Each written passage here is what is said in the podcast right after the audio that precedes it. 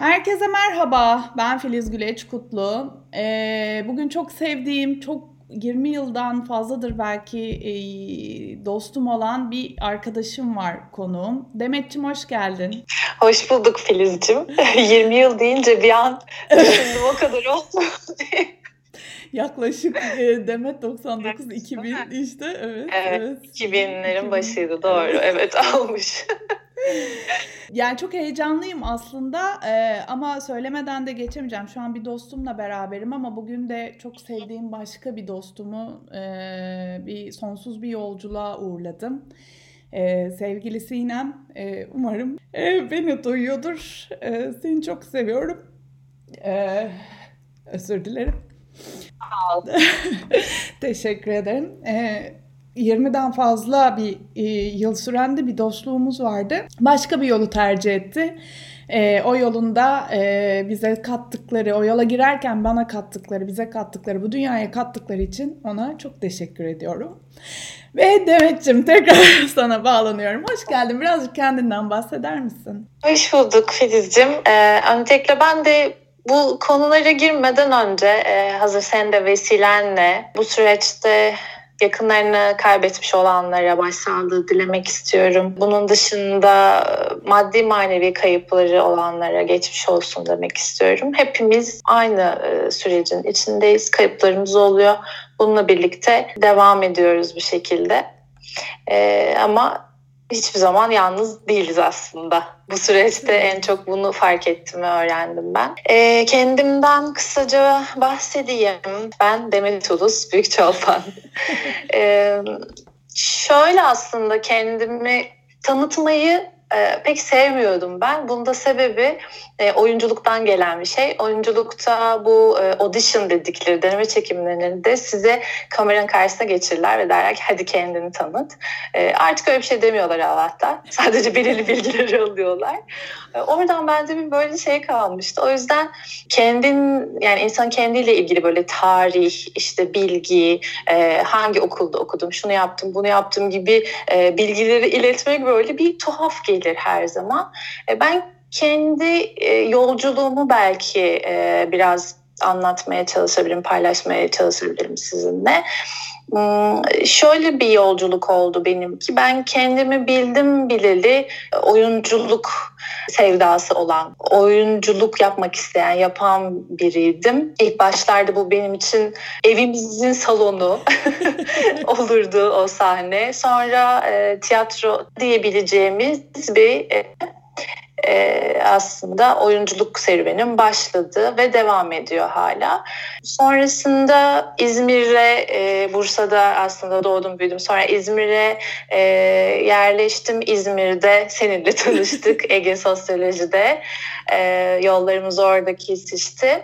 Ee, yine tiyatro devam ediyordu. Sonra İstanbul'a taşındım ve İstanbul'da hem tiyatro hem kamera önü oyunculuğu devam ederken aynı zamanda felsefe grubu öğretmenliği formasyonu aldım. Annem, babam ve e, ailemdeki birçok kişi gibi ben de öğretmenlik e, belgemi alarak yoluma devam etmeye başladım. Bu süreçte hani oyunculuk devam etti. Kamera ön oyunculuğu, tiyatro, öğretmenlik, e, sosyolog olarak, danışman olarak e, bir yerel yönetim bünyesinde çalıştım. Kadın yönelik şiddetle mücadele eden bir kurumda. Derken 2013 yılında hayatımda bir kırılma yaşadım. Bu kırılma hem fiziksel bir kırılma oldu hem de yolculuk anlamında bir kırılma oldu. Ve ben e, farklı bir arayışın içinde buldum kendimi. Ve kişisel gelişim alanında e, özellikle koçluk e, eğitimi alan bir arkadaşımla e, biliyorsun ilk uygulamaları yaparken kobay arayışı oluyor. e, dedim ki ben de senin kobayın olayım. Onun kovayı olurken e, ve bunları deneyimlerken bir anda kendimi koçluk eğitimi alırken buldum. Ve benim için kişisel gelişim yolculuğu böyle başladı. Ben genel olarak kişisel gelişim olarak tanımlıyorum ama bu da işte profesyonel koçluk, NLP eğitimleri ve eğitimciden eğitimi gibi birçok e, eğitimle birlikte e, kendimi artık kişisel gelişim eğitmeni, hani bireysel e, danışmanlık da yapıyorum aynı zamanda. Ee, ve oyuncu olarak tanımlıyorum ve tabii ki hani sosyolog olmanın e, verdiği e, yetkiye dayanarak toplumu gözlemlemeye devam ediyorum bir taraftan. Böyle aslında kendimle ilgili böyle tanımlayabilirim. Bilmiyorum Uzun mu oldu? Keserim ben çok uzun şaka şaka. Yo, ağzına sağlık. Teşekkür ederim. Yani bunca doluluğu zaten daha kısa anlatamıyoruz. Ama burada seninle özellikle bugün sohbet etmemin nedeni, e, isteği iki sosyolog olarak şu kişisel gelişimi biraz ele almak istemem de açıkçası. E, dijitalleşen dünyada e, konu başlığıyla birçok farklı konuyu birçok farklı uzmanla ele alıyorum. Ve bir 2020 yılını bir pandemi gerçekliğiyle e, e, tamamladık ve burada herkesin bir değişim ve dönüşüm içerisinde olduğunu kimse yatsıyamaz. Yani bunu artık çok kabullenmek durumundayız. O yüzden bu kişisel gelişim denen şeyin e, ayakları tamamen yere basan ve bir sosyolog ya açıkçası pandemiyi ele alacak olursak bir sağlık sosyolojisi alanı olarak görmek gerekiyor.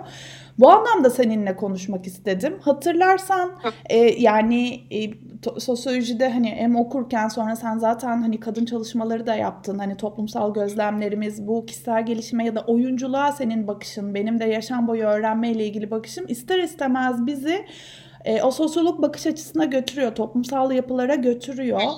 E, ve Aha. işte sosyolojinin kurucularından Durkheim da mesela işte intiharı bireysel değil toplumsal bir süreç olarak atı, anlatıyordu. İşte Fransa'nın o sanayileşme devrimi sırasında hı hı. toplumsal geçişlerde bir buhrana giren insanların intihar etmesinden bahsediyordu.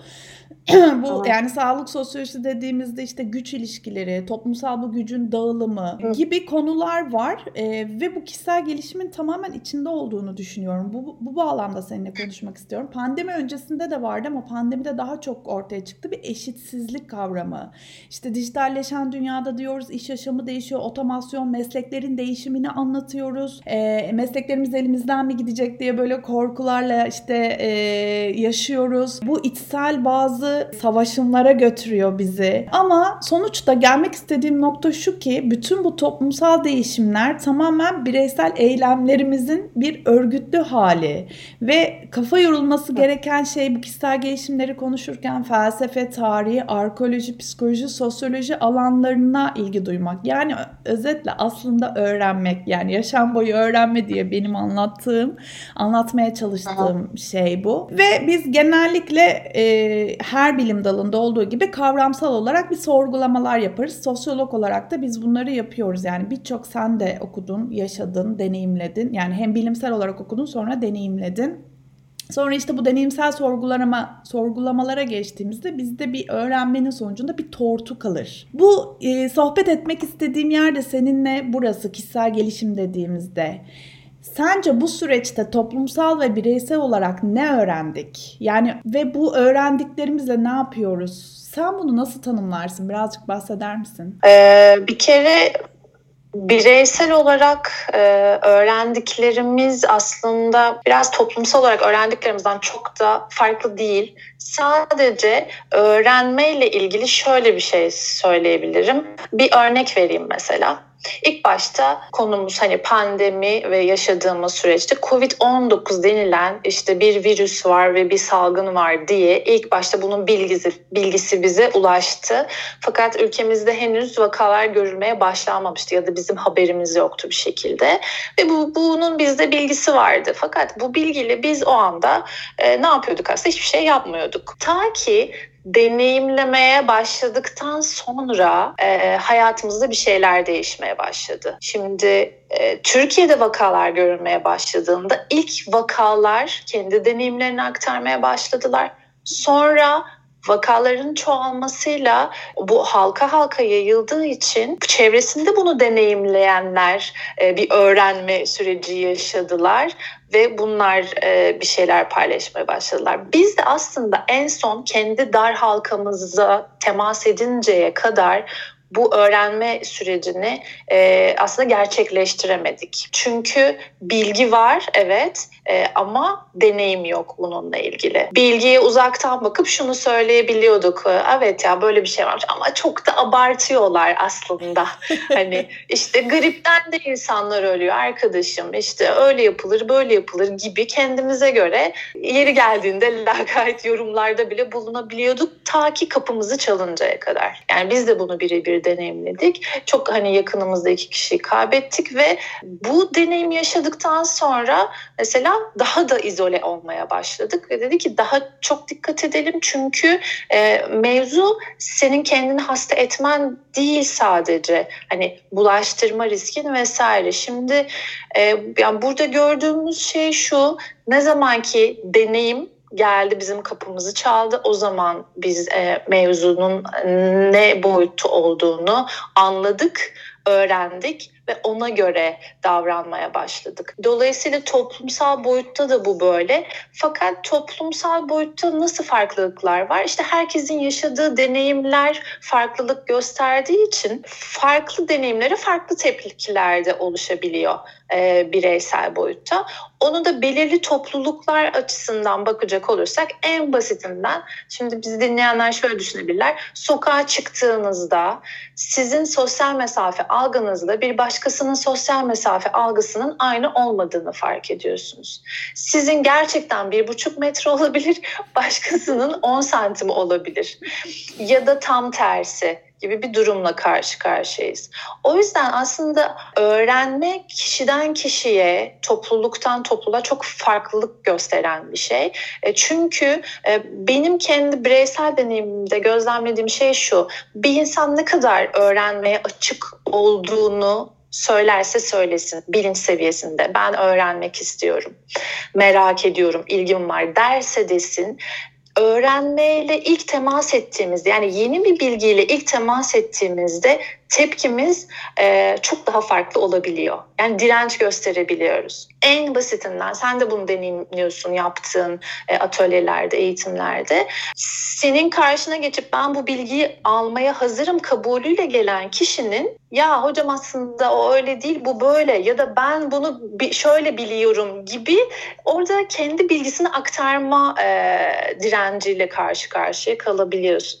E, o zaman ben bunu gönüllü olduğum olduğum bir deneyimde bile direnç gösteriyorsam ki bunu kimseye yargılamak adına söylemiyorum. Hepimizde olan bir reaksiyon bu. Yeni olana karşı, bizim konfor alanımızın dışındakine karşı olan direncimiz. E, bununla birlikte e, bırak gönüllü olduğumuz şey şu anda gönüllü olmadığımız bir şeyin içindeyiz. E, kimse isteyerek hani evine kapanmak istemiyor, maske takmak istemiyor, her şeyi dezenfekte etmek istemiyor. O obsesyona varan takıntıları yaşamak yaşamak istemiyor kimse. E, eminim ki hiçbir sağlık çalışanı bu şartlarda çalışmak istemiyordur. Fakat bunlara rağmen zorunlu bir öğrenme yaşıyoruz şu anda. Çünkü toplumsal boyuttaki öğrenme böyle bir şey oluyor. Bir şeyleri zorunlu bir şekilde öğrenmek durumunda kalıyorsunuz. Çünkü hiçbir toplum haydi arkadaşlar şimdi biz bunu öğreneceğiz gibi bir e, bilince sahip değil.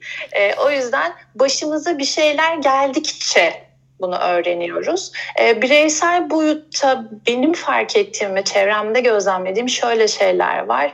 E, bir kere sana da az önce söyledim yani yalnız olmadığımı gerçekten fark ettiğim, öğrendiğim ve çevremdeki kişilerle de paylaştığım ve onların da benimle paylaştığını fark ediyorum. Her şey kontrol edemeyeceğini, yarınla ilgili plan yapmanın bir yere kadar e, mümkün olabildiğini ve kabul etmek zorunda olduğumuz yani bazı şeyleri kabul ederek çünkü yola devam etmek istiyorsan kabul etmek zorundasın. Hani bununla savaşmanın bir manası yok.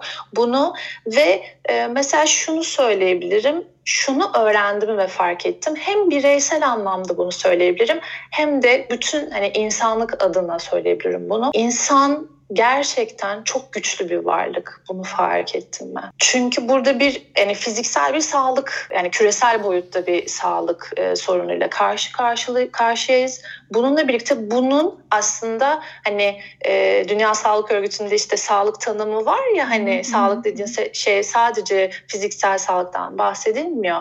E, ruhsal Aynen. ve zihinsel Aynen. sağlık da işin içinde var. Dolayısıyla bunun aslında çok daha büyük bir mücadele olduğunu ve insanın bunun karşısında ne kadar güçlü bir altyapısının sisteminin olduğunu fark ettim.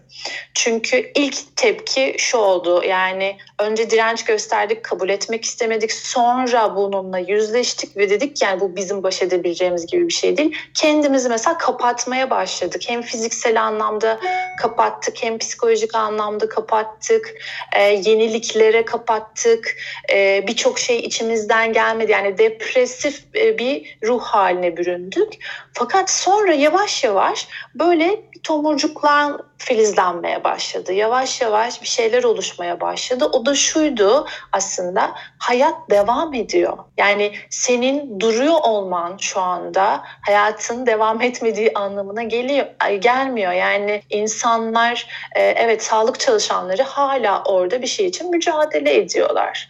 Hala senin e, para kazanman gerekiyor. Hala senin bir şeyler üretmen gerekiyor. Hala senin aslında kendi sağlığını dengede tutabilmek için mücadele etmen gerekiyor. Ha, bu şey demek değil tabii ki hiçbir şey görmezden gelelim, yola devam edelim gibi değil. Yaz tutulması gerekiyorsa yaz tutulacak, üzülmesi gerekiyorsa üzülecek, depresyona girilmesi gerekiyorsa girilecek o depresyona ki oradan çıkabilelim. E, ben kendi adıma ve e, hani toplumsal ve daha makro boyutta baktığımda e, bunları gözlemledim açıkçası öğrenme adına. Yani ve bu değişim ve dönüşümü sağlayacak şey aslında bireyin kendisinden başlıyor. Yani senin anlattıklarından da bunu anlıyorum. Benim kendi çıkarımlarım da bu. Yaşadığım çevrede bu. Yani isterseniz bir ülkenin lideri olun. isterseniz ailenizin lideri olun. Ne olursa olsun önce değişim kendinizden başlıyor.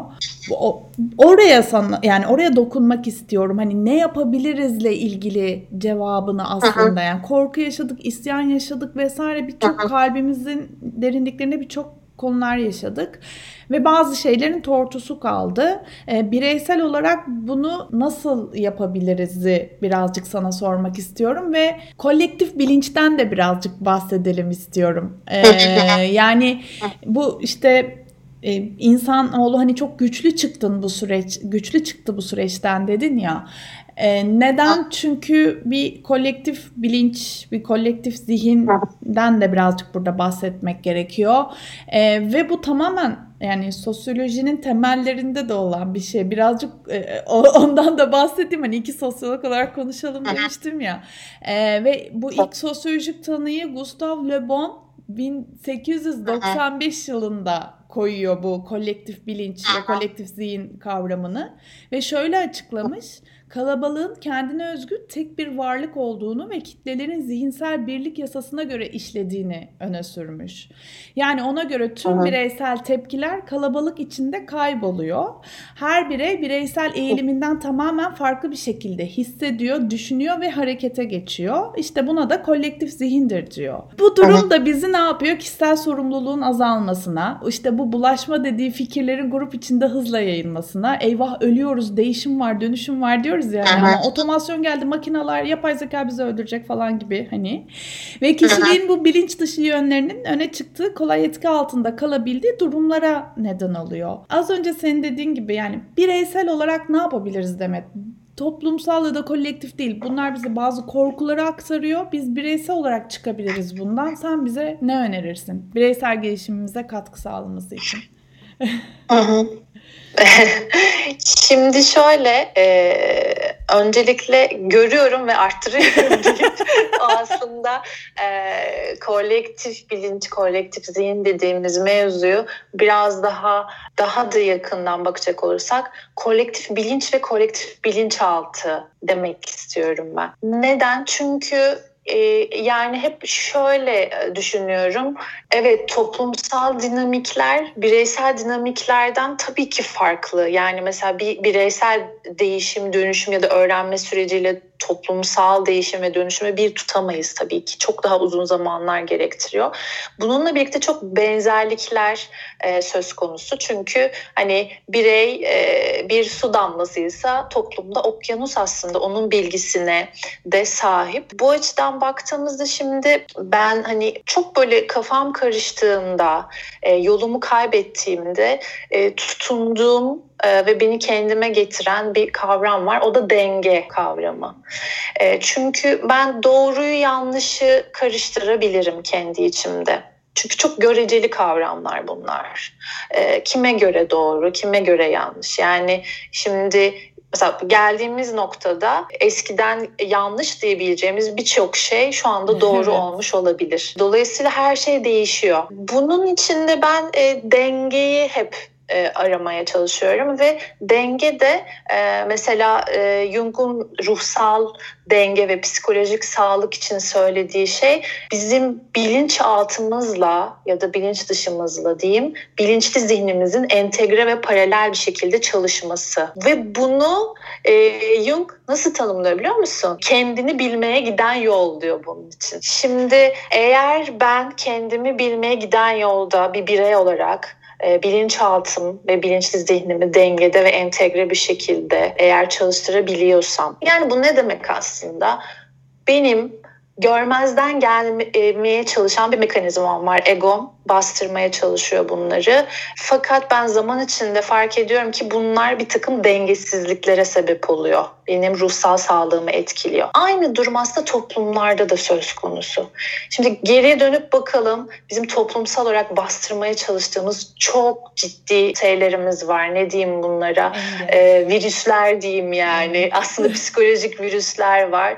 Çünkü biz o tarafını hiç görmek istemiyoruz toplumsal boyutta. Yani yani e, insanları hani katledebilme potansiyeline sahip olduğumuzda bir topluluğun bir araya geldiğinde, galeyana geldiğinde bunu yapabildiğini e, görmek istemiyoruz mesela. E, ya da toplulukların bir araya gelip yani yanlış tercihler yapabileceğini, yanlış yerlere sürüklenebileceğini görmek istemiyoruz. O yüzden bunları hep bastırıp mesela hep hani bilinçli şeyleri konuşuyoruz ya hani bir araya geldiğimizde.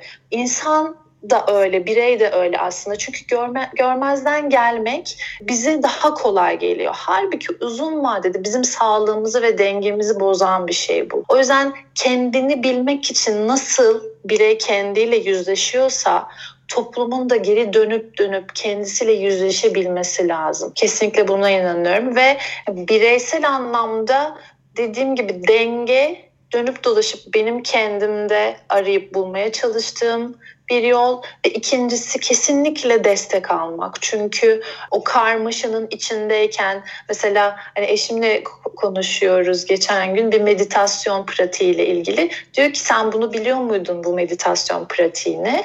Ben de dedim ki biliyordum ama e, bir başkasının bana yaptırması e, bilmekle aynı şey değil. Çünkü e, evet kendi kendime yapabileceğim şeyler de var. Destek alabileceğim e, konularda söz konusu. Bu konuda hani öğrenmeye, iyileşmeye açık olmak gerekiyor. Ve benim bu süreçte en çok aklıma gelen şeylerden biri neydi biliyor musun? İnsanın Anlam Arayışı kitabını bilirsin. Bilmez miyim? e, Victor Emil Frank'ın kitabı ve aslında hani hayatının bir dönemi, bir parçası. Geri dönüp dönüp oraya benim için çok güzel bir metafor çünkü yani bir e, Nazi kampında olmaktan daha kötü bir durumda mısın Demet şu anda diye kendime sordum. Daha hayır, hayır tabii ki değilim. Fakat belki onun duygularına bir tık hani yaklaşabilirim. Benzer duyguları hissediyor olabilirim. Bu çaresizlik hani köşeye e, hiçbir şeye hani ilgilenmesi olmaması bir şey yapsam da hiçbir şey değiştiremem diyebileceğin e, noktaya geldiğin o çaresizlik noktasında e, geri dönüp o zaman kendime şunu sordum. Tamam durum böyle diyelim ki çok fecaat bir durumdayız. Bittik, öldük, mahvolduk. E peki ne yapacaksın? Ne yapacaksın? Hemen peki? hemen buradan şuraya bağlamak istiyorum. Müthiş bir çözüm, bir yol, e, kendi yolculuğundan, çevrendekilerden de çıkardığın bir yol var bir yöntem var ve bunu bir atölyeye çeviriyorsun değil mi? Ocak ayında başlayacak ve bunu sürekli yapıyorsun bildiğim kadarıyla. Galiba bu, bu, evet. bu yani bu oraya çıkıyor değil mi? Yani biraz istersen ondan bahset. Var bunun bir yolu. evet. Şöyle e, şöyle bahsedeyim. E, ben dönem dönem böyle bazen e, içimden diyorum ki hani şu dönem bununla ilgili bir şey yapmak istiyorum diye. Şimdi 6 Ocak'ta başlayacak olan e, çalışmamız etkili iletişim çalışmaları. Bu benim e, kurumsal yaşamda kurumlara verdiğim, iş yaşamı için verdiğim bir eğitimdi. E, bunu bireylerle tüm yaşam alanlarında e, deneyimlemek ve paylaşmak istedim. Yani işte aile, iş, ilişki, e, evlilik, arkadaşlar, her bütün tüm yaşam alanları için. E, burada e, iletişime bakış açımız da çok önemli aslında. Çünkü e, hep işte nasıl konuşmamız gerekir, nasıl bir beden dilimiz olmalı, nasıl durmalıyız gibi bize böyle kalıplaştırılmış şeyler mesela hani öğretilmeye, entegre edilmeye çalışıyor. Hayat yani her zaman bu değil, insandan bahsediyoruz. Yani insan mekanizması aslında az önce söylediğim gibi çok güçlü, çok e, yani bence çok fantastik bir sistemimiz var bizim gerçekten. E, o yüzden çok daha derinlikli bakılması gerektiğini düşünüyorum. Mesela benim iletişim e, çalışmamdaki ilk aşama kişinin önce kendini fark etmesiyle ilgili. Kendin nasıl bir iletişim şeklini tercih ediyor? Nasıl bir donanımı var aslında? Hani çünkü hiç kendimizi dönüp bakmayıp sadece böyle ezbere bir şeyleri öğrenip işte elimi böyle koyarsam hani karşımdaki kişiyle daha iyi iletişim kurabilirmişim gibi böyle hap kalıp şeyleri öğrenmeye çalışıyoruz. Onun yerine ben şimdi bütün katılımcılar benim için hazine.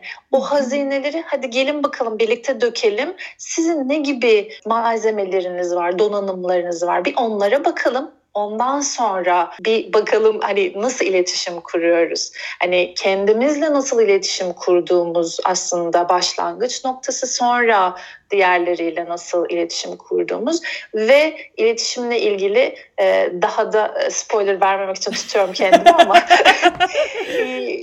en büyük yanılgılardan biri şu. En iletişimsiz olduğunuzu düşündüğünüz hallerde, durumlarda bile iletişim halindeyiz. Çünkü hani az önce toplumsal ve bireysel boyuttan bahsettik ya. Uyuduğumuz anda biz delta frekansıyla birbirimize bağlanan varlıklarız. Neyin konuşmasından bahsediyoruz acaba? Hani ben seninle konuşmuyorum, ben seninle iletişim kurmuyorum demek. Şimdi toplumsal boyutta bak, görmezden geldiğin, bir topluluk.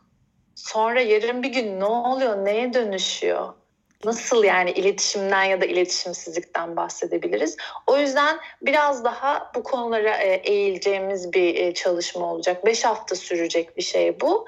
E, bazıları bana uzun dediler ama sadece günde iki saat yapıyoruz. Haftada bir gün toplamda on saatlik bir şey. Çünkü online'da çok uzun çalışmak biraz yorucu oluyor her iki taraf için de. Daha etkili olması için bu şekilde planladım. Onun dışında birçok çalışma yapıyorum ben biraz da aslında yine gözlem üzerinden ilerliyorum. Hem mesela kendim bireysel olarak ihtiyaç duyduğum şeyler, çevremdeki insanların ihtiyaç duyduğu şeyleri gözlemleyerek biraz daha ihtiyaç dahilinde içerikler e, üretmeye ve insanlarla bunları paylaşmaya çalışıyorum aslında. Ee, biliyorum takip ediyorum çok da heyecanla takip ediyorum ee, ve şunu söylüyorum hani bu bireysel gelişim kişisel gelişim denilen şey bu kadar ön yargılı olmasaydık belki pandemi döneminde hem bireysel hem toplumsal çok daha hazırlıklı olurduk. Senin bir oyunculuk geçmişin de olduğu için hani o insanları gözlemleme ve aktarman çok önemli. Ben ben de zaten Riskills'da e, genellikle oyuncularla çalışıyorum. Çünkü o durumu yaşatmak başka bir şey. Yani bu pandemi döneminde yaşadıklarımızda öncesinde biz uygulamalarımızda şirketlere de kurumsal şirkette çalışanlara yaptığımız eğitimlerde uygulamış olsaydık hadi canım derlerdi. Halbuki Hı-hı. hazırlık yani hani bireysel keşifler yani ülkeyi de yönetseniz, kendi ailenizi de yönetseniz kendinizi keşfederek başlamanız gerekiyor. O yüzden her şeyden önce Filiz lafını evet. böldüm e, bir kere herkesin kendini e, tanıyıp kendini yönetebilme, kendini liderlik edebilme e, vasfına sahip olması gerekiyor ki sonrasında çevrene bir faydan olabilsin. Kesinlikle, kesinlikle böyle düşünüyorum. Umarım bu 2021'de bunun farkındalığının daha çok arttığı ve kişilerin öğrenmelerine daha çok yatırım yaptıkları bir dönem olur. Ağzına sağlık arkadaşım. Çok teşekkür ederim vakit ayırdığın için. Ben çok teşekkür ederim. Çok keyifliydi. Ben de seni çok e, yakından takip ediyorum. Canımsın. e, ben de bir gün seninle kendi platformumda sohbet etmek isterim. E, çünkü Harika. e, senin de e, biliyorum ki yakından tanıdığım ve gözlemlediğim için e, şu anda yaptığın işi hem takdir ediyorum hem de sürecini bildiğim için e, bence çok e, cesur e, adımlar attın kendin için E, ve bunun da birçok insana ilham olabileceğini e, düşünüyorum. İyi ki varsın. Ben de seni takip ediyorum ve gurur duyuyorum. Aynen öyle. Çok teşekkür ederim arkadaşım. Görüşmek üzere. Hoşça kal. Kendine iyi bak. Görüşürüz Filizciğim. Hoşça kal.